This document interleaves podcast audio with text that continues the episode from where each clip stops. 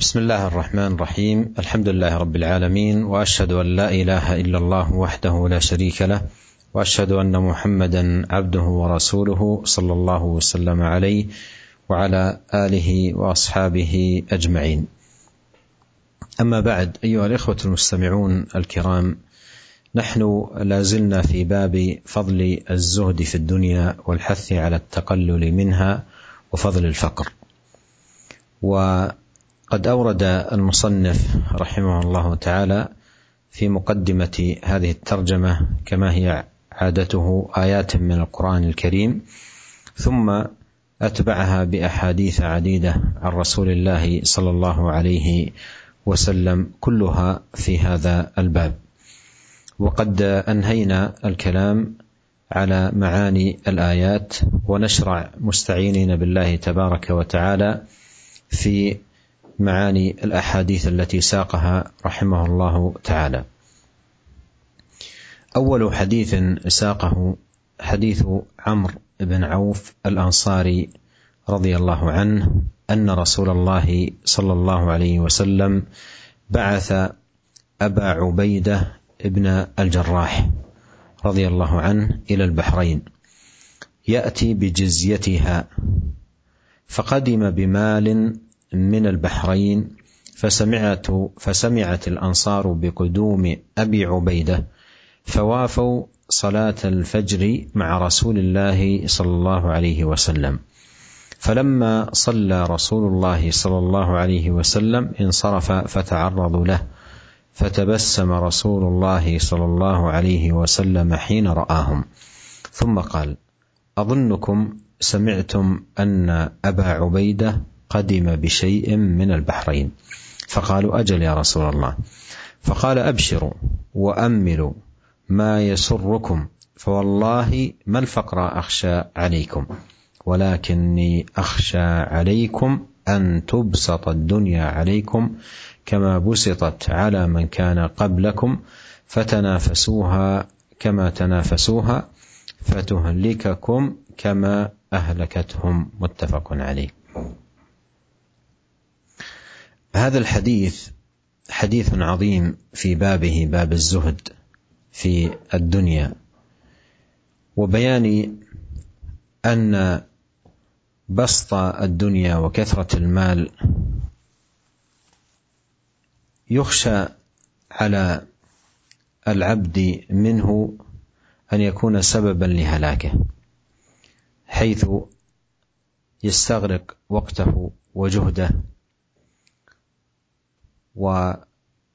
ويستغرق أيامه وأوقاته في التنافس والاستكثار. قد مر معنا قول الله سبحانه وتعالى ألهاكم التكاثر. فالتكاثر في الأموال خاصة من أعظم الملهيات والشواغل عن طاعة الله سبحانه وتعالى. فكم من إنسان ألهاه تكاثره عن الصلاة؟ تكاثره بالمال عن الصلاة وعن الواجبات وعن الفرائض. بل كم أوقعه في محرمات وآثام وأمور تسخط الله تبارك وتعالى. وقد كان وعظ النبي عليه الصلاة والسلام وعظا رفيقا وكان مربيا ناصحا ومعلما مشفقا صلوات الله وسلامه عليه. فكان بهذه المناسبة التي قدم فيها أبو عبيدة رضي الله عنه وأرضاه بجزية أهل البحرين وكان غالبهم من المجوس في ذلك الوقت والجزية كما هو معلوم مال يدفعه الكافر لأهل الإسلام. لقاء البقاء على كفره ويأمن في أهله وماله ودينه مقابل ذلك. فلما جاء أبو عبيدة رضي الله عنه بمال البحرين جاء آه الأنصار إلى النبي عليه الصلاة والسلام ووافوه أي اجتمعوا وحضروا. عنده صلى الله عليه وسلم في صلاة الفجر. ولما انصرف أي من الصلاة اعترضوا له فتبسم عليه الصلاة والسلام حين رآهم. وهذا من كمال خلقه وجميل لطفه عليه الصلاة والسلام. وفهم المقصود فهم لماذا جاءوا. فقال لهم عليه الصلاة والسلام أظنكم سمعتم أن أبا عبيدة قدم بشيء من البحرين فقالوا أجل يا رسول الله. فقال عليه الصلاة والسلام أبشروا وأملوا ما يسركم. أبشروا وأملوا ما يسركم. وهذا فيه أن المؤمن ينبغي أن يكون على هذا الوصف الذي ذكر نبينا عليه الصلاة والسلام مستبشرا مؤملا خيرا ومؤملا ما يسره. ثم أقسم بالله عليه الصلاة والسلام فقال والله ما الفقر أخشى عليكم؟ والله ما الفقر أخشى عليكم؟ لا أخشى عليكم الفقر ولكني أخشى عليكم أن تبسط الدنيا عليكم كما بسطت على من كان قبلكم فتنافسوها كما تنافسوها فتهلككم كما أهلكتكم. وهذا فيه بيان أن المال في الغالب إذا كثر عند الإنسان يطغي الإنسان ويلهيه ويشغله ويهلكه كما قال فتهلككم كما أهلكتكم كما أهلكتهم. هذا شأن المال في الغالب. إلا من سلمه الله ووقاه فأخذ المال بحقه وصرفه في حقه ولم يشغله عما خلق له. ومن كمال هدي النبي عليه الصلاة والسلام وجمال نصحه في مداواة النفوس ومعالجتها بما ينفعها ويصلحها أنه عندما عرف مراد الأنصار عندما جاءوا إليه عليه الصلاة والسلام ووافوه في صلاة الفجر عندما عرف مرادهم عليه الصلاة والسلام بشرهم وأملهم قال بشروا وأملوا ما يسركم. وذلك لتطمئن القلوب وتسكن النفوس وتقبل على الله سبحانه وتعالى الذي بيده مقاليد السماوات والأرض.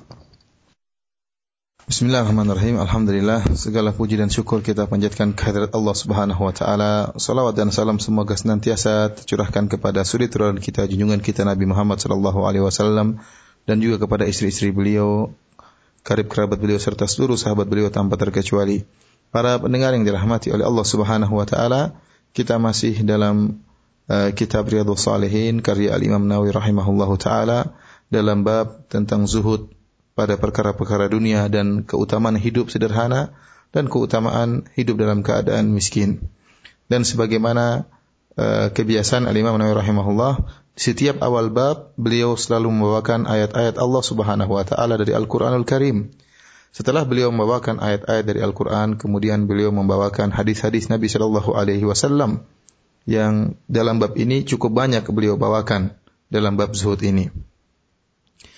Dan Uh, kita alhamdulillah telah selesai dari uh, membahas tentang makna dari ayat-ayat yang dibawakan oleh Al Imam Nawawi rahimahullah dan pada kesempatan kali ini kita akan mulai masuk dalam pembahasan dari makna hadis-hadis yang dibawakan oleh Al Imam Nawawi rahimahullah taala. Hadis pertama yang dibawakan oleh Al Imam Nawawi rahimahullah dalam kitab Zuhud dalam dunia ini adalah uh, hadis dari Amr bin Auf Al-Ansari radhiyallahu taala anhu. Beliau mengatakan bahwasanya Rasulullah sallallahu alaihi wasallam mengutus Abu Ubaidah bin Al-Jarrah radhiyallahu anhu ke negeri Bahrain untuk membawa atau mengambil jizyah yang dibawa oleh yang dibayarkan oleh penduduk Bahrain kepada kaum muslimin. Faqadima bimalin minal Bahrain, maka datanglah Abu Ubaidah bin Al-Jarrah radhiyallahu anhu dari Bahrain dengan bawa harta yang banyak dari negeri Bahrain. Kaum Ansor pun mendengar tentang kedatangan Abu Ubaidah Fawafau salat al-fajr ma'a Rasulullah sallallahu alaihi wasallam maka mereka pun berdatangan dan berkumpul untuk melaksanakan salat subuh bersama Rasulullah sallallahu alaihi wasallam.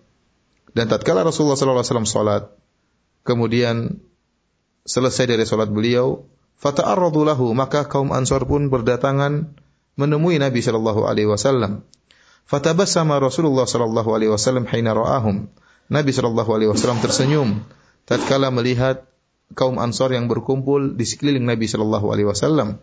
Kemudian Nabi sallallahu alaihi wasallam berkata, "Aku rasa kalian telah mendengar akan kedatangan Abu Ubaidah yang membawa ya harta dari kota Bahrain, dari negeri Bahrain." Maka kaum Ansar berkata, "Benar ya Rasulullah, kami mendengar kedatangan Abu Ubaidah."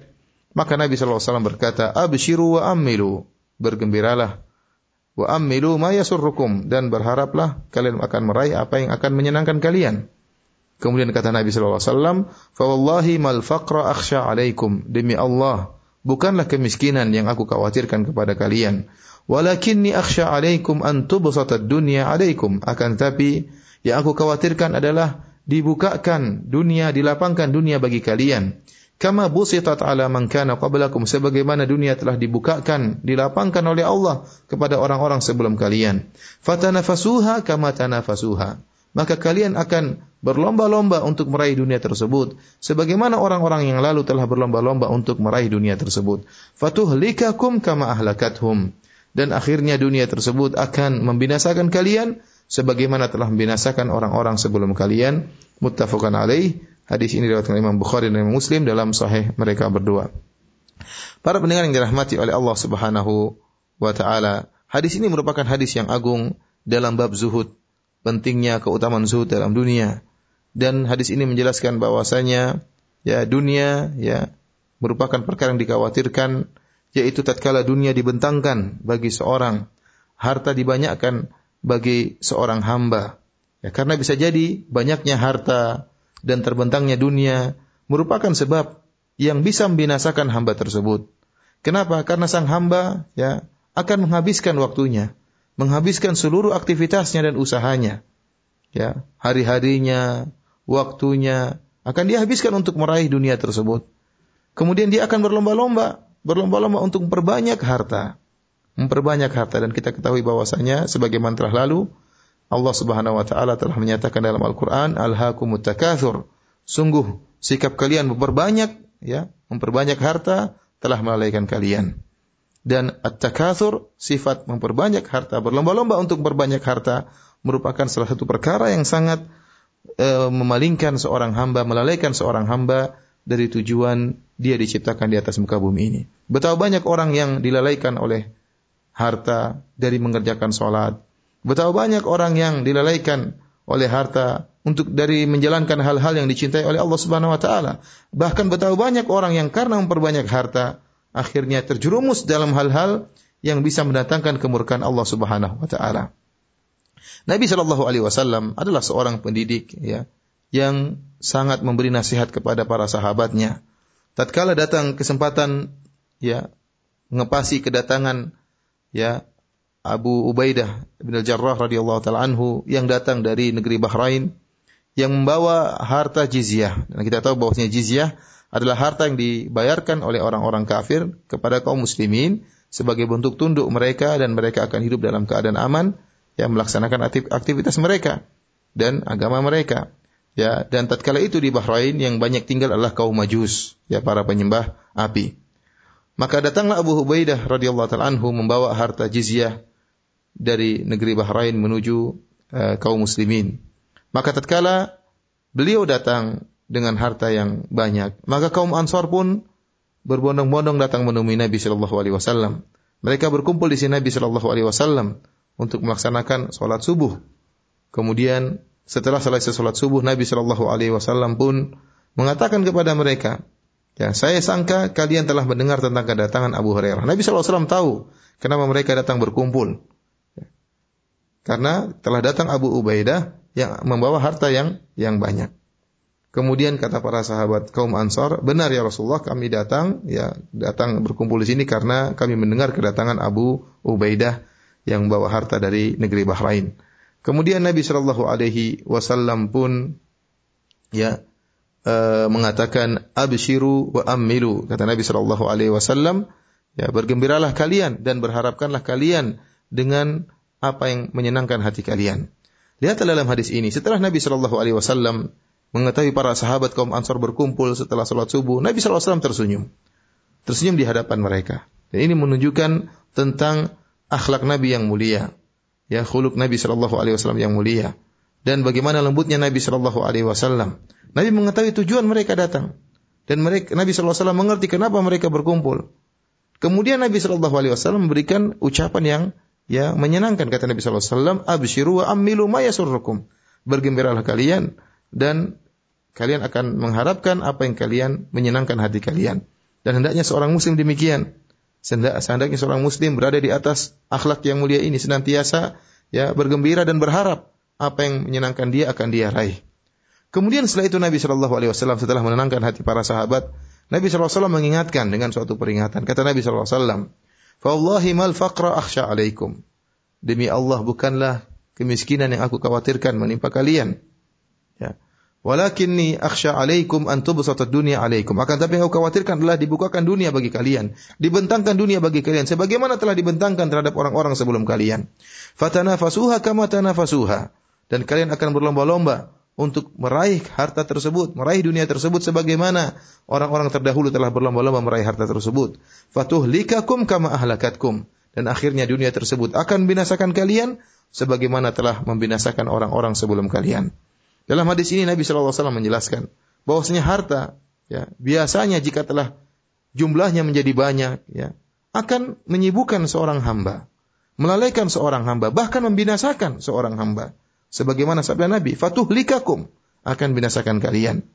Kecuali seorang hamba yang di atas ilmu, yang mengerti, yang sadar bahwasanya harta yang Allah berikan kepada dia adalah ujian, ya, sehingga tidak melalaikan dia dari Tujuan diciptakannya di atas muka bumi ini adalah untuk beribadah kepada Allah Subhanahu wa taala.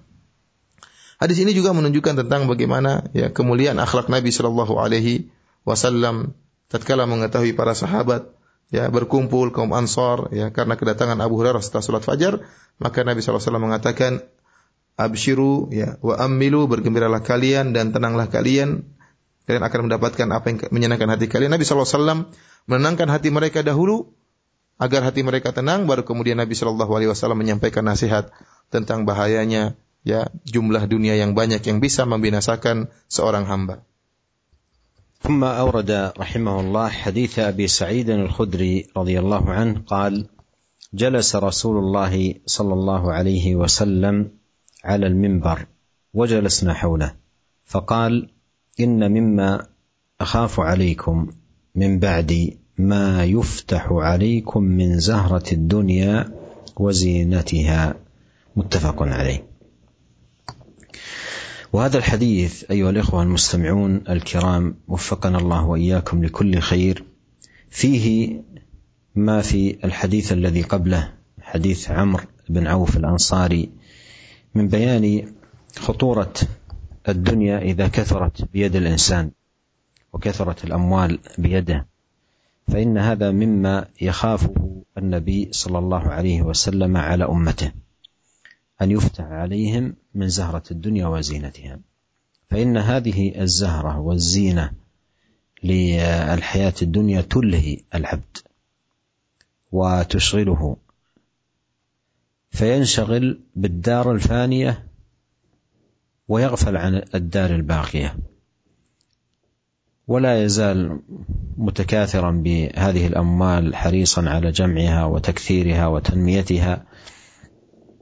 منشغلا بذلك ثم يفاجأ بعد ذلك بالموت يدهمه فيكون انشغل بالفاني عن الباقي. فكان عليه الصلاة والسلام من شفقته على أمه أمته ونصحه لهم وحرصه عليهم صلوات الله وسلامه عليه وخوفا أن تتعلق قلوبهم بهذه الحياة الدنيا. قال ذلكم صلى الله عليه وسلم محذرا.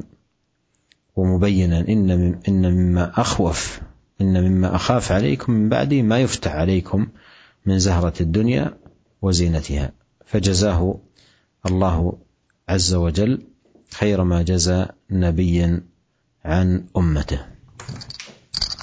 Kemudian Al-Imam Nawawi rahimahullah membawakan hadis yang kedua dari sahabat Abu Sa'id Al-Khudri radhiyallahu taala anhu beliau berkata, Rasulullah Shallallahu Alaihi Wasallam duduk di atas mimbar dan kami pun duduk di sekeliling Nabi Shallallahu Alaihi Wasallam. Kemudian beliau berkata, Inna mimma akhafu alaikum min ba'di ma yuftahu alaikum min zahratid dunya wa zinatiha. Sungguhnya di antara perkara yang aku khawatirkan menimpa kalian setelah sepeninggalku, yaitu apa yang dibukakan bagi kalian berupa indahnya dunia dan perhiasan dunia. Hadis ini diriwayatkan oleh Imam Bukhari dan Imam Muslim dalam sahih mereka. Para pendengar dirahmati oleh Allah Subhanahu wa taala, hadis ini ya menjelaskan tentang apa yang telah dijelaskan oleh hadis sebelumnya, yaitu hadis dari Amr bin Auf Al-Ansari yang tadi telah kita bacakan. Tentang bahayanya dunia, tatkala harta telah berjumlah banyak di tangan seseorang. Ya, kalau harta sedikit masih tidak jadi permasalahan. Jadi permasalahan tatkala harta sudah menjadi banyak, berada di tangan seorang hamba. Ini merupakan perkara yang dikhawatirkan oleh Nabi Shallallahu Alaihi Wasallam terhadap umatnya. Tatkala perhiasan dunia, tatkala keindahan dunia, tatkala kemewahan dunia dibukakan bagi seorang hamba, dimiliki oleh seorang hamba. Kenapa? Karena indahnya dunia ini, ya, indahnya harta, manisnya harta ini akan melalaikan seorang hamba dan menyibukkan seorang hamba, menyibukkan seorang hamba dengan adar al-faniyah. Dia sibuk dengan dunia ini yang akan sirna. Wa yaghfal anid dan dia akan lalai dari akhirat yang akan kekal. Akhirnya dia pun sibuk dan sibuk mencari harta, mengumpulkan harta. Tiba-tiba dia didatangi oleh malaikat maut. Tiba-tiba maut menjemputnya. Oleh karenanya di antara bentuk rahmat Nabi Shallallahu Alaihi Wasallam kepada umatnya, Nabi Shallallahu Alaihi Wasallam menjelaskan bahwasanya di antara perkara yang Nabi khawatirkan menimpa umatnya setelah meninggalnya Nabi Shallallahu Alaihi Wasallam, yaitu dibukakan di dunia bagi mereka. Karena hal ini bisa ya membuat mereka lalai dari tujuan kehidupan mereka di dunia. Rasulullah SAW khawatir hati-hati umatnya terikat dengan dunia. Oleh karenanya beliau mengingatkan kita dengan sabda beliau, Inna mimma akhafu alaikum min ba'di ma yuftahu alaikum min zahratid dunya wa zinataha. Di antara perkara yang aku khawatirkan menimpa kalian setelah sepeninggalku adalah dunia, keindahan dunia dan perhiasan dunia yang dibukakan bagi kalian. Semoga Allah Subhanahu wa taala memberi balasan yang sebanyak-banyaknya kepada Nabi Shallallahu Alaihi Wasallam atas nasihat-nasihat beliau yang menunjukkan rahmat beliau terhadap umat beliau Shallallahu Alaihi Wasallam. ثم أورد الإمام النووي رحمه الله تعالى حديث أبي سعيد الخدري رضي الله عنه أن رسول الله صلى الله عليه وسلم قال: إن الدنيا حلوة خضرة وإن الله تعالى مستخلف مستخلفكم فيها فينظر كيف تعملون فاتقوا الدنيا واتقوا النساء رواه مسلم. هذا الحديث بدأه النبي صلى الله عليه وسلم بخبر وختمه بأمر ونصح فقال في أول حديث إن الدنيا حلوة خضرة وإن الله مستخلفكم فيها. فوصف الدنيا بهذين الوصفين أنها حلوة وأنها خضرة. والحلاوة معروفة ووصفه لها بأنها خضرة أي ناعمة طرية غضة. وهكذا شأن الدنيا عندما تفتح على الإنسان يجد لها طعما يجد لها حلاوه يجد لها مرءا يعجبه يستميل نفس يستميل نفسه. وقوله إن الله مستخلفكم فيها أي جاعلكم خلائف يخلف بعضكم بعضا. يأتي قوم ويخلفهم آخرون. وهذا فيه تنبيه عجيب وعظيم. الدنيا حلوة خيرة. والله مستخلفكم فيها. أياما فتحت عليك الدنيا. ما أنت إلا واحد من هؤلاء المستخلفين. لن تبقى في هذه الدنيا. كما أن أصحاب الأموال والثراء قبلك انتهوا. وانقضت أعمارهم فأنت كذلك مثلهم. كما أنك خلفت على هذه الدنيا من كان قبلك فسيخلفك عليها من كان بعدك. قال فينظر كيف تعملون. يا هؤلاء المستخلفين في الأرض؟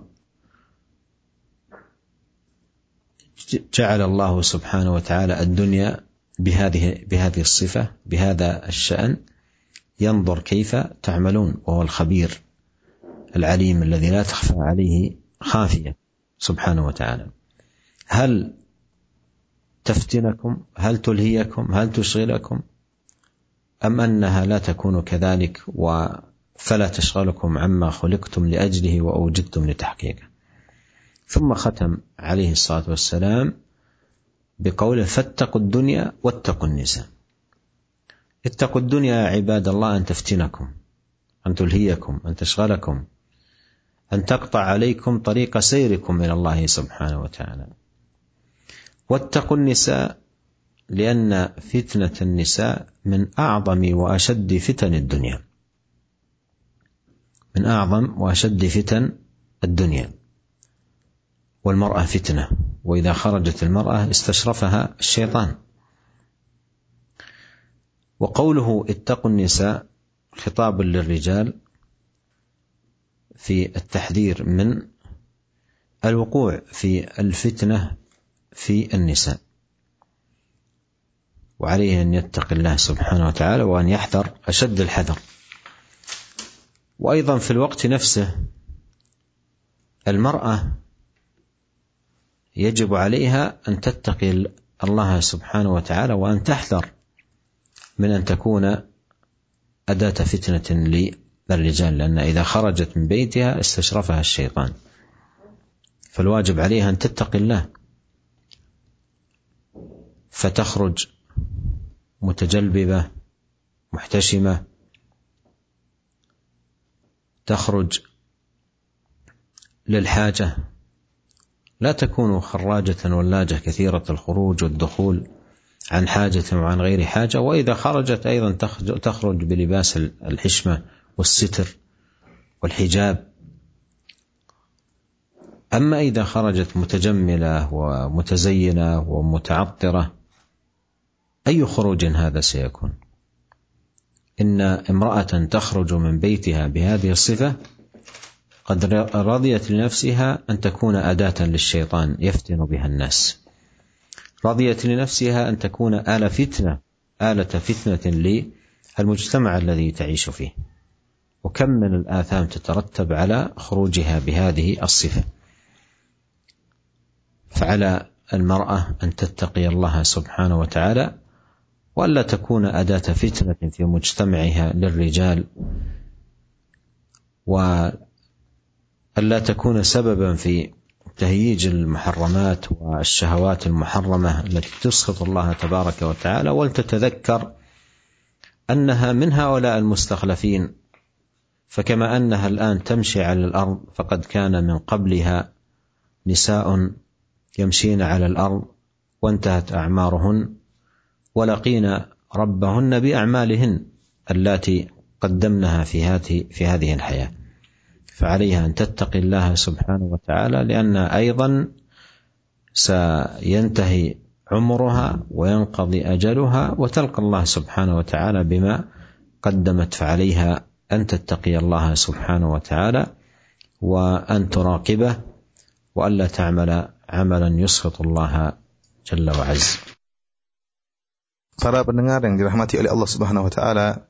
Kemudian Imam Nawawi rahimahullah membawakan hadis berikutnya yang juga dari sahabat Abu Sa'id Al-Khudri radhiyallahu taala anhu di mana Rasulullah SAW bersabda inna dunya hulwatun khadirah sungguhnya dunia itu manis dan hijau. Wa inna Allah taala mustakhlifukum fiha. Dan Allah Subhanahu wa taala menjadikan kalian uh, menempati dunia tersebut. Fayanzuru kaifa ta'malun. Dan Allah akan melihat bagaimana kalian beramal. Fattaqu dunya wattaqun nisa. Takutlah kalian terhadap dunia dan takutlah kalian terhadap para wanita. Rawahu Muslim diriwayatkan oleh Imam Muslim dalam sahihnya. Para pendengar yang dirahmati oleh Allah Subhanahu wa taala, perhatikanlah hadis ini. Nabi Shallallahu alaihi wasallam membuka hadis ini dengan sebuah khabar, dengan sebuah pengkhabaran. Kemudian Nabi Shallallahu alaihi wasallam menutup hadis ini dengan sebuah perintah. Jadi ini merupakan bentuk nasihat Nabi Shallallahu alaihi wasallam kepada umatnya. Yang pertama, Nabi Shallallahu Alaihi Wasallam membuka hadis ini dengan sebuah pengkhabaran menyatakan inna dunya hulwatun khadirah. Sungguhnya dunia ini manis dan hijau. Dunia ini manis, manis rasanya. Dan hijau sejuk pemandangannya, indah. Rasulullah SAW menyebutkan tentang dua sifat terhadap dunia. Manis dan indah. Dan demikianlah dunia, jika telah dibukakan bagi seorang hamba, maka dia akan mendapatkan manisnya dunia tersebut. Dia akan merasakan indahnya dunia tersebut. Kemudian Rasulullah SAW juga mengatakan, mengkhabarkan, wa inna Allah Ta'ala mustakhlifukum fiha. Dan Allah Subhanahu wa taala akan menjadikan kalian khalifah di atas dunia tersebut, yaitu menempati dunia tersebut. Dan ini merupakan tanbih yang sangat ajib. Peringatan yang sangat menakjubkan dari Nabi sallallahu alaihi wasallam. Rasulullah SAW mengatakan, ya, mustakhlifukum fiha. Allah menjadikan kalian khalaif, yaitu saling silih berganti. Kalian sekarang menempati bumi, ya sebagaimana sebelum kalian ada orang-orang yang pernah menempati bumi, yang pernah mendapatkan dunia. Sebagaimana sekarang kalian telah dibukakan dunia bagi kalian, ketahuilah sebelum kalian dahulu banyak orang-orang kaya, banyak penguasa yang dibukakan dunia kepada mereka. Kalian hanya mengambil dari mereka dan ingatlah sebagaimana kalian telah berlalu dari kalian umat-umat terdahulu yang kaya raya, kemudian sekarang kalian memegang dunia, maka kalian pun akan sebagaimana mereka. Kalian akan mewariskan harta kalian kepada orang-orang setelah kalian. Dunia akan berpindah dari tangan kalian kepada orang-orang setelah kalian. Sebagaimana dunia telah berpindah dari orang-orang sebelum kalian kepada kalian, akan berpindah pula kepada orang-orang setelah kalian. Tidak akan bersama kalian selamanya. Manisnya dunia dan keindahan dunia. Akan tapi kalian akan ya akan pergi ya sebagaimana orang-orang terda terdahulu sebelum kalian pun telah meninggal dunia. Sebagaimana orang-orang kaya, para pedagang, ya mereka tidak membawa dunia mereka selamanya mereka meninggalkan dunia bertemu dengan Allah Subhanahu wa taala, demikian pun kalian. Para pendengar yang dirahmati oleh Allah Subhanahu wa taala. Oleh karenanya Allah Nabi sallallahu alaihi wasallam mengatakan, "Wa inna Allah ta'ala mustakhlifukum fiha fayanzuru kaifa ta'malun." Allah menjadikan kalian menguasai dunia agar Allah melihat bagaimana apa yang kalian lakukan. Kita tahu Allah Subhanahu wa taala Maha mengetahui. Tidak ada satupun yang tersembunyi di hadapan Allah Subhanahu wa taala. Akan tapi Allah ingin melihat Bagaimana kalian bersikap dengan dunia tersebut? Apakah dunia tersebut manisnya dunia dan indahnya dunia membuat kalian sibuk ya sehingga lalai dari tujuan kalian diciptakan di atas muka bumi ini atau tidak? Ataukah kalian ya tidak lalai dari beribadah kepada Allah Subhanahu wa taala? Kemudian setelah Rasulullah SAW mengabarkan tentang dunia dan bahwasanya Allah menjadikan manusia sebagai pemilik dunia. Kemudian Rasulullah SAW mengatakan fattaqud dunya wattaqun nisa. Perintah dari Nabi SAW. Hendaknya kalian takut kepada dunia dan hendaknya kalian takut kepada para wanita. Kenapa? Karena dunia jangan sampai menyibukkan kalian, melalaikan kalian. Jangan sampai dunia memotong perjalanan kalian menuju Allah Subhanahu wa taala. Kalian sekarang sedang berjalan, berjalan menuju rahmat Allah Subhanahu wa taala. Jangan sampai terpotong, terputus gara-gara dunia tersebut. Kemudian kata Nabi sallallahu alaihi wasallam, "Wattaqun nisa." Takutlah kalian terhadap para wanita. Kenapa? Karena wanita merupakan fitnah terbesar bagi kaum lelaki. Rasulullah SAW menjelaskan bahwasanya para wanita, seorang wanita, idza kharajat istasyarfaha syaitan. Jika seorang wanita keluar, maka akan diintai oleh syaitan. Syaitan akan menghiasi wanita tersebut untuk sebagai alat untuk menyesatkan para lelaki. Tatkala Nabi SAW mengatakan, "Wattaqun nisa," Takutlah kalian kepada wanita. Ini Rasulullah SAW pembicaraan Rasulullah ditujukan kepada kaum lelaki. Hendaknya seorang laki benar-benar berhati-hati. Ya, jangan sampai terjerumus dalam fitnah wanita. Dan dalam waktu yang sama, ini peringatan juga dari Nabi Shallallahu Alaihi Wasallam. Jangan sampai seorang wanita menjadi alatnya syaitan, menjadi ya, menjadi ya alat syaitan untuk menyesatkan para lelaki. Oleh karenanya seorang wanita hendaknya keluar dalam keadaan berjilbab, dalam keadaan memiliki rasa malu, kemudian tidak keluar kecuali karena ada kebutuhan. Jangan sampai seorang wanita, dia seorang wanita yang kharrajah walajah, sering keluar, sering masuk, sering keluar, sering masuk, pergi sana, pergi sini tanpa ada kebutuhan yang jelas. Hobinya keluar. Jangan sampai demikian. Akan tapi seorang wanita hendaknya menjaga dirinya, tidak sering keluar rumah. Kalaupun dia keluar rumah karena ada kebutuhan, ya, karena ada kebutuhan, karena ada kemaslahatan, maka dia keluar dengan berjilbab. Ya, jangan sampai dia keluar dalam kondisi menghias dirinya, kemudian pakai minyak wangi, kemudian me, merayu para lelaki ya. Seorang wanita yang keluar dalam kondisi demikian, menghiasi dirinya, kemudian pakai memakai pakaian yang bisa menggoda, kemudian memakai minyak wangi, sungguhnya dia telah ridho kepada dirinya untuk menjadi alat ya diperalat dijadi jadi diperalati oleh syaitan untuk digunakan dalam rangka untuk memfitnah para lelaki. Oleh karenanya jangan sampai seorang wanita demikian. Jangan sampai dia ridha menjadi bahan ya yang digunakan oleh syaitan untuk mengganggu para lelaki. Jangan sampai dia merupakan sebab ya timbulnya syahwat. Jangan sampai dia menjadi sebab timbulnya perkara-perkara yang bisa merusak umat Islam. Oleh karenanya Rasulullah SAW telah mengabarkan di awal hadis, fa inna Allah mustakhlifukum fiha. Ingatlah Allah menjadikan kalian khalaif, ya pemilik dunia. Kalian juga wahai para wanita, ingatlah. Sebelum kalian dahulu ada wanita-wanita yang pernah berjalan di atas muka bumi. Yang mungkin yang menghiasi dirinya, yang mungkin pakai minyak wangi, yang mungkin menggoda para wanita. Mereka pernah berjalan di atas muka bumi. Sekarang ke mana mereka? Mereka semua telah tiada. Mereka telah kembali kepada Allah Subhanahu wa taala, bertanggungjawabkan amalan perbuatan yang mereka lakukan. Demikian pula kalian wahai para wanita. Kalian tidak selamanya akan bisa berjalan di atas muka bumi dalam keadaan berhias dan menggoda para lelaki. Kalian suatu saat akan meninggalkan dunia ini dan kalian suatu saat akan dikembalikan kepada Allah Subhanahu wa taala untuk diminta pertanggungjawaban oleh Allah Subhanahu wa taala. Oleh karenanya seorang wanita hendaknya selalu menghadirkan dalam dirinya bahwasanya dia akan ditanya oleh Allah Subhanahu wa taala dan menghadirkan dalam dirinya bahwasanya Allah senantiasa mengawasi gerak-gerik perbuatannya. ثم أورد رحمه الله حديث أنس رضي الله عنه أن النبي صلى الله عليه وسلم قال اللهم لا عيش إلا عيش الآخرة متفق عليه والمراد بهذا أن عيش الدنيا عيش ممزوج بأنواع النكد والمنغصات ونحو ذلك. بخلاف عيش الآخرة فإنه عيش تام كامل ليس فيه مكدرات وليس فيه منغصات بل هو عيش تام كامل. ويكون مراد النبي عليه الصلاة والسلام بقوله اللهم لا عيش إلا عيش الآخرة التنبيه على صغر شأن الدنيا والتقليل من شأنها. فيه تصير لشأن الدنيا وتقليل لمكانتها وكدرة لذاتها وسرعة فنائها. وما كان هكذا فلا معنى لشغل الأوقات به عن العيش الدائم الذي لا كدر فيه ولا منغصات بل فيه ما تشتهيه الأنفس وتلذ الأعين.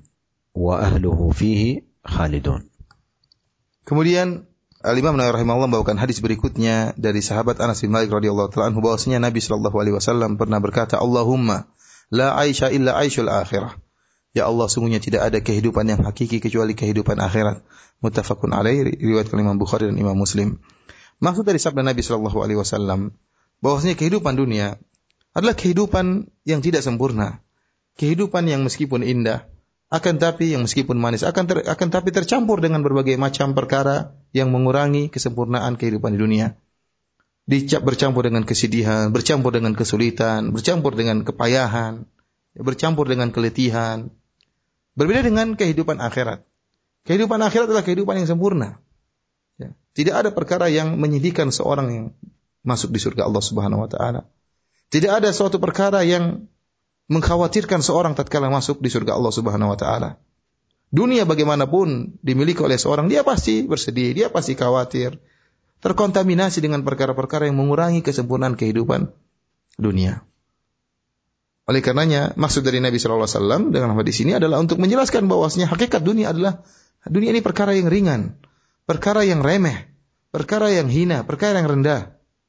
Kalau perkara dunia seperti ini, maka bagaimana seorang kemudian menghabiskan waktunya, menyibukkan waktunya untuk meraih kenikmatan yang seperti ini, ya, kenikmatan dunia yang yang terkontaminasi terkontaminasi seperti ini kemudian dia melalaikan daripada kehidupan akhirat yang mata syihil anfus di, di surga seorang apa sih yang diinginkan oleh hatinya syahwatnya diinginkan maka akan dipenuhi oleh Allah Subhanahu wa taala. Wa taladzul ayun dan ada perkara-perkara kenikmatan surga yang akan menyedapkan pandangannya ثم أورد الإمام النووي رحمه الله تعالى حديث أنس رضي الله عنه قال قال رسول الله صلى الله عليه وسلم يتبع الميت ثلاثة أهله وماله وعمله فيرجع اثنان ويبقى معه واحد يرجع أهله وماله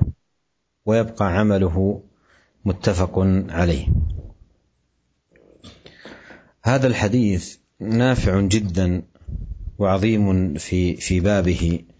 هذا الباب باب الزهد في الدنيا والتقليل من شأنها والتصير من مكانتها. أن هذه الدنيا وما فيها من المتع في الحقيقة لا ينتفع العبد بهذه المتع إلا وقت وجوده في هذه الحياة الدنيا. ونبه على هذا المعنى صلوات الله وسلامه عليه بأن العبد إذا مات يتبعه ثلاثة المال والأهل والعمل. يتبعه ثلاثة المال والأهل والعمل. ويرجع اثنان أي لا يدخلان معه في قبره وهما المال والأهل. فيرجع اثنان ويبقى واحد أي لا يدخل معه في قبره إلا عمله وهو الذي يأنس به الميت في قبره إذا كان عملا صالحا.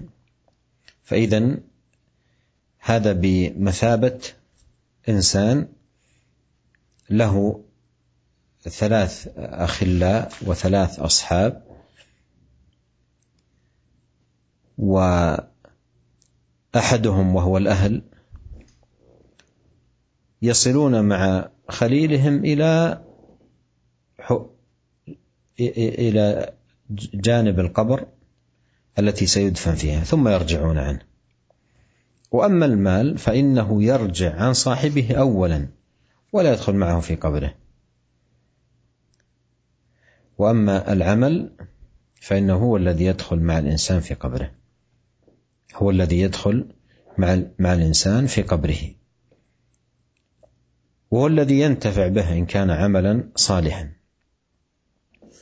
هو الذي ينتفع به إذا كان العمل صالحا. وأما إذا كان سيئا والعياذ بالله فإن عمله يكون وبالا عليه وحسرة وندامة عندما يدخل في القبر.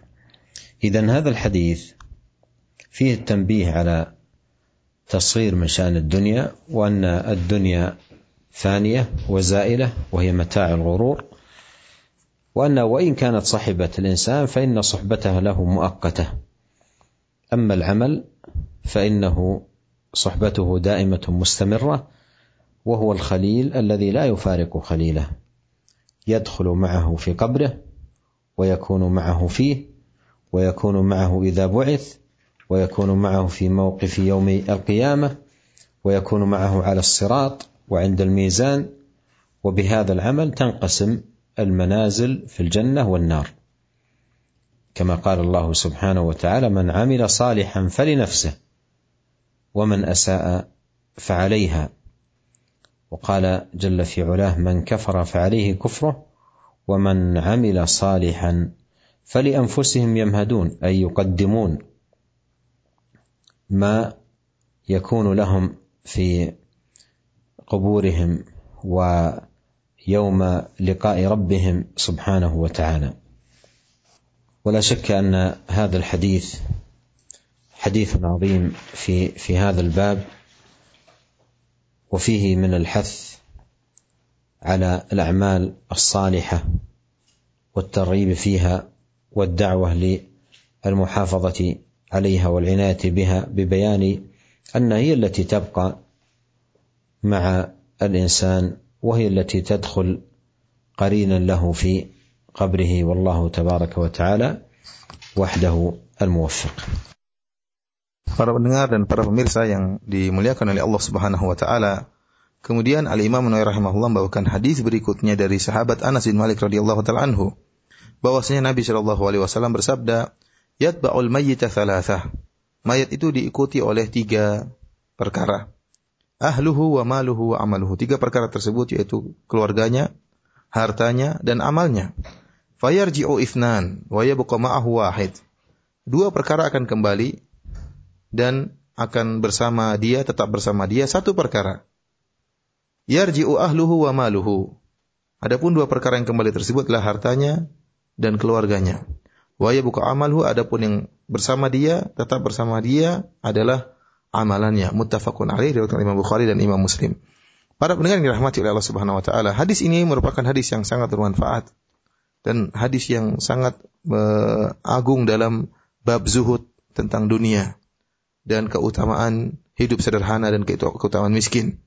Bahwasanya dalam hadis ini dijelaskan bahwasanya dunia ini ya yang kita ketahui indahnya dunia dan seorang bersenang-senang dengan dunia ya sungguhnya pada hakikatnya seorang hamba tidak bisa menikmati dunia tersebut ya tidak bisa bersama tidak bisa bersama dunia tersebut kecuali selama sang hamba tersebut masih di dunia masih hidup di dunia karena Nabi SAW dalam hadis ini menjelaskan jika seorang hamba meninggal dunia, akan diikuti oleh tiga perkara. Dua perkara kembali dan satunya tetap bersama dia. Istrinya, anak-anaknya, keluarganya akan kembali. Tidak dikuburkan bersama dia dalam kuburan. Hartanya pun demikian, hartanya tidak akan dikuburkan bersama di kuburan. Yang dikuburkan bersama dia dalam kuburan adalah amal solehnya. Amal solehnya. Amalnya itulah yang merupakan sahabat sejatinya. Ya, yang akan bersama dia, ya menyenangkan dia tatkala di kuburan jika amalannya merupakan amalan soleh. Sungguhnya tiga perkara ini kalau kita perhatikan sama seperti seorang yang memiliki tiga orang sahabat dekat, yaitu keluarganya, sungguhnya merupakan sahabat seorang yang keluarganya tersebut, istri dan anak-anaknya akan mengantar dia dari rumahnya menuju ke kuburan. Akan tapi tatkala sampai di pinggir kuburan, maka istri dan anak-anaknya tidak akan masuk dalam kuburan bersama dia. Sahabat ini akan meninggalkan dia setelah mengantarnya sampai di kuburan. Adapun hartanya, merupakan sahabat dia yang dia meninggalkan sejak awal. Hartanya tidak akan ikut sampai di kuburan, hartanya sudah ditinggal di rumahnya. Adapun keluarganya masih sempat mengantar sahabat yang mengantar menuju pinggir kuburan. Akan tapi sahabat yang sejati adalah amalnya. Itulah sahabat yang sejati yang akan bersama dia dalam kuburannya. Jika amalannya merupakan amalan yang soleh, maka akan menyenangkan dia. Ya, akan menghibur dia di dalam kuburan. Akan tapi jika amalannya merupakan amalan yang buruk, maka akan menjadi malapetaka bagi dia, akan menjadi bumerang bagi dia. Yang akan muncul hanyalah penyesalan, yang akan muncul hanyalah penderitaan dalam kuburan. Maksud dari hadis ini Nabi SAW ingin menjelaskan tentang kecilnya perkara dunia, bahwasanya kenikmatan dunia hanyalah mataul gurur, kenikmatan yang menipu. Ya. Kalau dunia itu indah, dia hanya bersahabat dengan seorang manusia ya pada waktu yang ditentukan, tidak selamanya. Adapun amal seorang hamba tidak akan adalah sahabat sejati yang tidak akan meninggalkan hamba tersebut. Amal tersebut akan masuk bersama dia dalam kuburannya. Amal tersebut akan menemani menemani seorang hamba tatkala dibangkitkan oleh Allah Subhanahu wa taala. Amal tersebut akan menemani seorang hamba tatkala dihisap oleh Allah Subhanahu wa taala. Amal tersebut akan menemani seorang hamba tatkala seorang hamba amalannya ditimbang oleh Allah dalam mizan, ditimbang oleh Allah Subhanahu wa taala. Amal tersebut akan menemani seorang hamba tatkala seorang hamba, hamba berjalan di atas sirat, di atas ya ya di atas jalan yang dibentangkan oleh Allah Subhanahu wa taala apakah dia masuk dalam surga ataukah terjerumus dalam neraka jahanam. Allah Subhanahu wa taala berfirman, "Man amila salihan fali nafsi, wa man asaa fa 'alaiha." Barang siapa yang melakukan amalan soleh maka akan untuk dirinya sendiri dan barang siapa membuat keburukan maka itu akan kembali jadi bumerang bagi dirinya. Allah Subhanahu wa taala juga berfirman, "Man kafara fa alaihi kufruh." Barang siapa yang berbuat kekufuran, maka kekufurannya, amal soleh, amal kekufurannya tersebut akan kembali kepada dia. Wa man amila salihan fali anfusihim yamhadun. Barang siapa yang melakukan amalan soleh, maka amalan tersebut sungguhnya dia berikan untuk dirinya sendiri. Amalan soleh tersebut yang akan menemani dia. Para pendengar yang dirahmati oleh Allah Subhanahu wa taala, maka tidak diragukan lagi bahwasanya hadis ini merupakan hadis yang agung yang menjelaskan tentang pentingnya amalan soleh. Bosnya amalan soleh itulah sahabat yang hakiki yang akan menemani seorang hamba dan ini merupakan motivasi bagi kita untuk banyak beramal soleh karena harta yang kita kumpulkan, keluarga dan istri kita akan meninggalkan kita yang akan bersama kita ya baik di kuburan, baik di tatkala dibangkitkan oleh Allah, tatkala dihisab, tatkala di mizan, tatkala di sirat, hanyalah amalan soleh kita. ثم أورد رحمه الله تعالى حديث أنس رضي الله عنه قال قال رسول الله صلى الله عليه وسلم يؤتى بأنعم أهل الدنيا من أهل النار يوم القيامة فيصبغ في النار صبغة ثم يقال يا ابن آدم هل رأيت خيرا قط؟ هل مر بك نعيم قط؟ فيقول لا والله يا رب. ويؤتى بأشد الناس بؤسا في الدنيا من أهل الجنة فيصبغ صبغة في الجنة فيقال له يا ابن آدم هل رأيت بؤسا قط؟ هل مر بك شدة قط؟ فيقول لا والله ما مر بي بؤس قط ولا رأيت شدة قط. رواه مسلم. هذا الحديث فيه أن أنعم أهل الدنيا أي أكثرهم مالا وتجارة ومساكن ومركوبات وغير ذلك من متع الدنيا أنعم أهل الدنيا. يعني أكثرهم تمتعا بنعيم الدنيا. وهو من أهل النار يوم القيامة. يؤتى به يوم القيامة فيصبغ صبغة في النار. أي يغمس فيها غمسة واحدة. يغمس ويخرج منها غمسة واحدة فقط. ثم يقال له يا ابن آدم هل رأيت خيرا قط؟ هل مر بك نعيم قط فيحلف؟ يقول لا والله يا رب. أي ما رأيت نعيما قط. معنى ذلك أن عذاب الدنيا ولو كان عذاب النار ولو كان للحظة واحدة غمسة وإخراج للحظة واحدة ينسي نعيم الدنيا كله.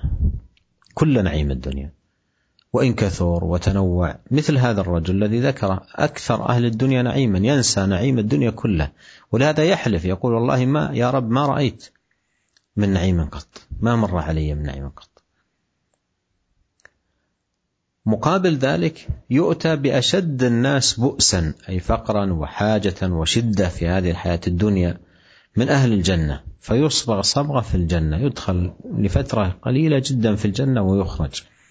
ثم يقال له يا ابن آدم هل رأيت بؤسا قط؟ هل مرت عليك شدة قط؟ فيقول لا والله ما مر بي بؤس قط ولا رأيت شدة قط.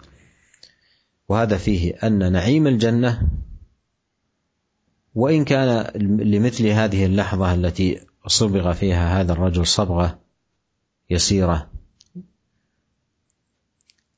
ينسي بؤس الدنيا وشدتها كله ولهذا يحلف يقول لا والله ما مر بي بؤس قط.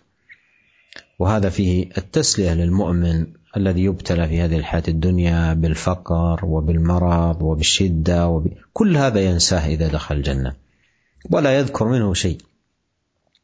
حتى إنه كما معنا في هذا الحديث يحلف يقول لا والله ما مر بي بؤس قط. الشدائد والأتعاب والآلام والأوجاع والامور العظيمة التي مرت به في هذه الحديث كل ذلك ينساه تماما ويحلف أنه ما مر به بؤس قط. وذاك الكافر والعياذ بالله مهما كان عنده من النعيم بمجرد أن يغمس غمسة في النار ينسى ذلك كله ويقول ما مر بي نعيم قط إذا كان بمجرد غمسة ينسى النعيم الذي كان يتمتع به في هذه الحج الدنيا. إذا كان بمجرد غمسة ينسى النعيم فكيف إذا خلد في النار وبقي فيها أبد الآباد؟ فالعاقل ينبغي أن يتفطن وأن يتنبه وأن يحرص على مداواة نفسه قبل أن يقف ذلك اليوم العظيم وقبل أن يلقى الله سبحانه وتعالى فلا ينفعه في ذلك الوقت الندم. Para pendengar yang dirahmati oleh Allah Subhanahu wa taala, kemudian Al Imam rahimahullah membawakan hadis uh, berikutnya yaitu dari sahabat Anas bin Malik radhiyallahu taala anhu bahwasanya Rasulullah SAW bersabda didatangkan ya didatangkan bi an ami ahli dunia min ahli nar ada seorang penghuni neraka yang merupakan orang yang paling mendapatkan kenikmatan tatkala di dunia. Dihadirkan orang tersebut pada hari kiamat. Fayus bagu finnari sabghatan. Kemudian dia dicelupkan dalam panasnya neraka jahanam sekali celupan. Yuqal kemudian dikatakan kepadanya, wahai anak Adam, hal ra'aita khairan qad? Apakah engkau melihat kebaikan? Ya, pernah melihat kebaikan? Apakah pernah engkau merasakan kenikmatan? Kata dia, la wallahi ya Rabb. Tidak, demi Allah saya tidak pernah merasakan kenikmatan, saya tidak pernah melihat kebaikan. Wa yu'ta bi asyaddin nasi bu'san fid dunya min ahli jannah. Dan ada seorang penghuni surga yang dahulunya di dunia merupakan orang yang paling sulit hidupnya. Dihadirkan oleh Allah Subhanahu wa taala pada hari kiamat, kemudian dicelupkan dalam surga hanya sekali celupan. Kemudian ditanyakan kepada dia, "Wahai anak Adam, hal ra'aita bu'san qat? Apakah kau pernah melihat kesulitan ya sekali?" Apakah pernah engkau melewati perkara yang menyempitkan dirimu? Kata dia, la wallah, demi Allah tidak pernah ya Allah. Tidak pernah aku merasakan kesulitan sedikit pun. Dan aku tidak pernah melihat perkara yang berat sedikit pun. Hadis ini hadis yang dilewatkan oleh Imam Muslim dalam sahihnya. Para pendengar yang dirahmati oleh Allah Subhanahu wa taala. Dalam hadis ini disebutkan bahwasanya ada seorang penduduk neraka yang dia merupakan an'amu ahli dunia, yaitu orang yang paling banyak hartanya, orang yang paling Eh, bernikmat-nikmat dengan dunia ini. Orang yang paling banyak perdagangannya, orang yang paling mewah mobilnya, orang yang paling banyak sawah ladangnya, orang yang paling banyak istananya, ya, orang yang paling banyak emas dan peraknya, maka dia dihadirkan di atas muka bumi ini di di akhir hari kiamat kelak. Kemudian Allah Subhanahu wa taala memasukkan orang yang paling kaya raya ini selama dunia dimasukkan sekali celupan dalam neraka jahanam. Sekali saja. Maka akhirnya ditanya kepada dia, wahai orang terkaya, wahai orang yang paling bernikmat-nikmat dengan dunia, apakah kau pernah melihat kebaikan sedikit pun? Apakah pernah kau merasakan kenikmatan sedikit pun? Maka dia berkata, La wallahi ya Rabb, demi Allah ya Rabb, saya tidak pernah merasakan kenikmatan sedikit pun dan saya tidak pernah melihat kebaikan sedikit pun. Orang ini bersumpah, yahlif dia bersumpah, dia bilang wallahi ya Rabb, tidak pernah ya Allah. Lihatlah, bagaimana azab neraka jahanam yang sangat panas dan sangat panas dan sangat pedih sampai-sampai seorang tatkala dimasukkan dalam neraka jahanam meskipun satu detik sekali dimasukkan saja ya ini bisa membuat dia lupa dari segala kenikmatan yang pernah dia rasakan. Padahal kenikmatan yang pernah dia rasakan di dunia sangatlah banyak dan sangat beraneka ragam. Satu kenikmatan saja tidak dia ingat tatkala itu. Kenapa karena dia dimasukkan dalam neraka azab yang sangat pedih yang buat dia lalai, lupa dari segala bentuk kenikmatan. Bahkan dia bersumpah kepada Allah, La wallah ya Rabb, demi Allah saya tidak pernah melihat kenikmatan sama sekali. Sebaliknya, kata Rasulullah SAW, ada seorang penduduk surga yang tatkala di dunia dulu merupakan merupakan orang yang paling susah hidupnya, asyadun nas bu'san, orang yang paling miskin, orang yang paling sulit, hidupnya penuh dengan penderitaan, namun dia penduduk surga. Allah Subhanahu wa taala masukkan orang ini ke dalam kenikmatan surga dengan sekali celupan saja. Ya. Maka apa yang terjadi? Kenikmatan surga yang luar biasa meskipun hanya satu detik dia rasakan, membuat dia lupa dengan segala kesulitan yang pernah dia hadapi, membuat dia lupa dengan segala kemiskinan penderitaan yang dia pernah hadapi. Maka ditanyakan kepada dia, apakah kau pernah melihat, merasakan kesulitan sedikit pun? Kata dia tidak pernah ya Allah. Saya tidak pernah pernah merasakan kesulitan. Saya tidak pernah merasakan, merasakan kesempitan. Saya tidak pernah merasakan penderitaan. Lihatlah bagaimana ya kenikmatan dunia yang luar biasa. Seluruh kesulitan yang pernah dia rasakan, penderitaan, rasa sakit, hilang dia lupakan karena kenikmatan yang luar biasa. Perhatikan orang kafir yang tadi, yang dimasukkan oleh Allah dalam neraka jahanam. Betapapun banyak kenikmatan yang dia rasakan, betapapun ber, beraneka ragam kenikmatan dia rasakan, namun tatkala dimasukkan dalam neraka jahanam, meskipun hanya satu detik, meskipun hanya sekejap, telah membuat dia lupa dengan kenikmatan tersebut. Bagaimana dengan orang yang kemudian kekal dalam neraka jahanam? Ya. Waliyadzubillah, ini memberikan uh, peringatan kepada kita agar kita senantiasa ber, berusaha untuk semangat beramal soleh sebelum tiba hari tersebut, sebelum hari di mana kita bertemu dan diadili oleh Allah Subhanahu wa taala. أسأل الله الكريم رب العرش العظيم بأسماء الحسنى وصفاته العليا أن يوفقنا أجمعين لكل خير وأن ينفعنا بما علمنا وأن يزيدنا علما وأن يصلح لنا شأننا كله وأن لا يكلنا إلى أنفسنا طرفة عين إنه سميع قريب مجيب Demikianlah para pendengar yang dirahmati Allah Subhanahu wa taala, kita mohon kepada Allah Subhanahu wa taala agar Allah Subhanahu wa taala menambah ilmu kita dan agar Allah Subhanahu wa taala menjadikan kita orang-orang yang beramal dengan ilmu yang telah Allah ajarkan kepada kita dan Allah Subhanahu wa taala senantiasa memberikan taufiknya kepada kita. Sungguhnya Allah Subhanahu wa taala Maha mendengar dan Maha mengabulkan permintaan hamba-hambanya. Selanjutnya anak kembalikan kepada akhi Fawaz hafizahullah taala. Nah, jazakallah khairan ya Syekh atas derasnya yang disampaikan juga untuk Al-Ustaz Firanda atas terjemahannya. Semoga Allah Subhanahu wa taala memberikan keberkahan pada ilmu yang Syekh sampaikan tadi. Untuk selanjutnya ada empat menit waktu kita Ustaz sebelum adzan berkumandang dan kita akan memberikan kesempatan untuk penanya melalui telepon di sore ini ada Umar Rashid di di Bekasi. Silakan Umar Rashid. Iya, enam Umar Rashid.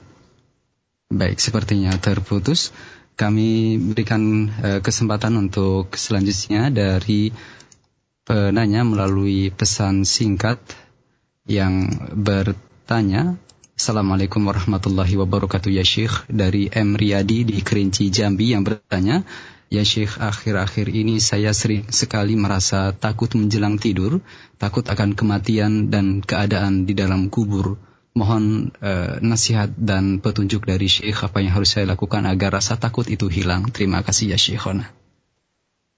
نصيحتي للسائل وفقه الله ووفق الجميع لرضاه أن يحرص على ما يكون ضياء له في قبره ونورا له في حشره ألا وهو المحافظة على طاعة الله سبحانه وتعالى والبعد عن المحرمات. ومن كان مطيعا لله مبتعدا عما حرم الله فلا خوف عليهم ولا هم يحزنون. وكون الإنسان يذكر القبر ويخاف ليعمل ويزر نفسه بذلك عن محرمات هذا مما جاءت به السنة. كما قال عليه الصلاة والسلام تذكروا هادم اللذات لأنه إذا تذكر ذلك دفعه ذلك إلى التهيؤ والاستعداد لذلك اليوم الذي هو ملاقيه ولا بد Uh, Syekh menjelaskan bahwasanya nasihat kepada yang bertanya ya agar jika dia merasa takut dengan gelapnya kuburan dan tatkala dibangkitkan oleh Allah Subhanahu wa taala hendaknya dia berusaha untuk melakukan amalan-amalan soleh yang akan menjadi cahaya bagi dia di kuburan dan akan menjadi sinar bagi dia tatkala dia dibangkitkan oleh Allah Subhanahu wa taala yaitu beramal soleh dan menjauhkan dirinya dari perkara-perkara yang diharamkan oleh Allah Subhanahu wa taala. Barang siapa yang semangat untuk beramal soleh dan menjauhkan dirinya dari perkara-perkara yang bisa mendatangkan kemurkaan Allah Subhanahu wa taala, maka tidak ada rasa khawatir baginya dan tidak rasa takut baginya. Adapun kondisi orang terkadang kemudian ingat tentang ngerinya hari akhirat, kemudian ngerinya di kuburan, ya, maka ini merupakan perkara yang disunahkan. Rasulullah SAW mengatakan, "Tadzakkaru eh, hadimal ladzat, ingatlah kalian tentang perkara yang bisa menghancurkan kelezatan dan kematian. Oleh karenanya uh, kalau sekali maka tidak mengapa. Semoga Allah Subhanahu wa taala memberikan taufiknya kepada kita semua. Nah, jazakallah khairan ya Syekh. Kemudian ada Ummu Rashid via telepon tadi via di Bekasi. Silakan Ummu dengan pertanyaan singkat. Nah. Uh, Assalamualaikum warahmatullahi wabarakatuh. Waalaikumsalam warahmatullahi wabarakatuh. Uh, yang ingin saya tanyakan bagaimana cara agar hati kita itu tidak lalai meskipun kita telah mengetahui hadis-hadis yang telah dijelaskan uh, karena dalam kehidupan ini dengan kesibukan yang kita jalani uh, agar kita selalu ingat akan kematian dan azab yang yang menunggu dari maksiatan yang kita lakukan. Assalamualaikum warahmatullahi wabarakatuh. Waalaikumsalam warahmatullahi Terima kasih Ibu. Silakan Ustaz. ثمة أمور لا بد منها أن تخصص أوقات للعلم قراءة القرآن قراءة أحاديث النبي عليه الصلاة والسلام قراءة آه، كتب أهل العلم النافعة المفيدة في هذا الباب. أيضا سماع الأشرطة وسماع الدروس العلمية. والله تبارك وتعالى يقول وذكر فإن الذكرى تنفع المؤمنين فيتخذ العبد من الأسباب التي يكون فيها آه، الذكرى والتذكير وإيقاظ القلوب مع الدعاء وحسن الالتجاء إلى الله عز وجل. ونسأل الله عز وجل لنا أجمعين التوفيق والسداد وصلى الله وسلم على عبده ورسوله نبينا محمد وآله وصحبه أجمعين والسلام عليكم ورحمة الله وبركاته. Waalaikumsalam warahmatullahi wabarakatuh. Jazakallah khairan ya Syekh. Uh, saya menjelaskan bahwasanya di sini ada perkara-perkara yang harus kita uh, khususkan ya. Seperti mengkhususkan waktu untuk menuntut ilmu ya karena kita kebanyak kesibukan, banyak kelalaian oleh karenanya harus menyisihkan waktu. Khususkan waktu untuk menuntut ilmu, harus mengkhususkan waktu untuk baca Quran, harus mengkhususkan waktu untuk baca hadis-hadis Nabi SAW, harus memilih waktu untuk Eh, membaca buku-buku para ulama yang mengingatkan kita akan akhirat. Harus menyisihkan waktu untuk mendengarkan pengajian-pengajian lewat kaset atau radio atau yang lainnya ya. Karena Allah Subhanahu wa taala berfirman, "Wa dzakir fa inna dzikratan fa'ul mu'minin." Berilah peringatan karena sungguhnya yang beri peringatan akan memberi manfaat memberi manfaat kepada kaum yang beriman kepada Allah Subhanahu wa taala. Oleh karenanya, eh, seorang agar tidak lalai daripada akhirat, dengan banyaknya kesibukan, dia harus mengambil beberapa sebab yang tadi menyisihkan waktu, mengkhususkan waktu sebagai pengingat dia akan hari akhirat. Disertai dengan doa kepada Allah Subhanahu wa taala agar Allah Subhanahu wa taala senantiasa menjadikan dia orang-orang yang tidak lalai dari akhirat. Wallahu taala alam bisawab. Assalamualaikum warahmatullahi wabarakatuh.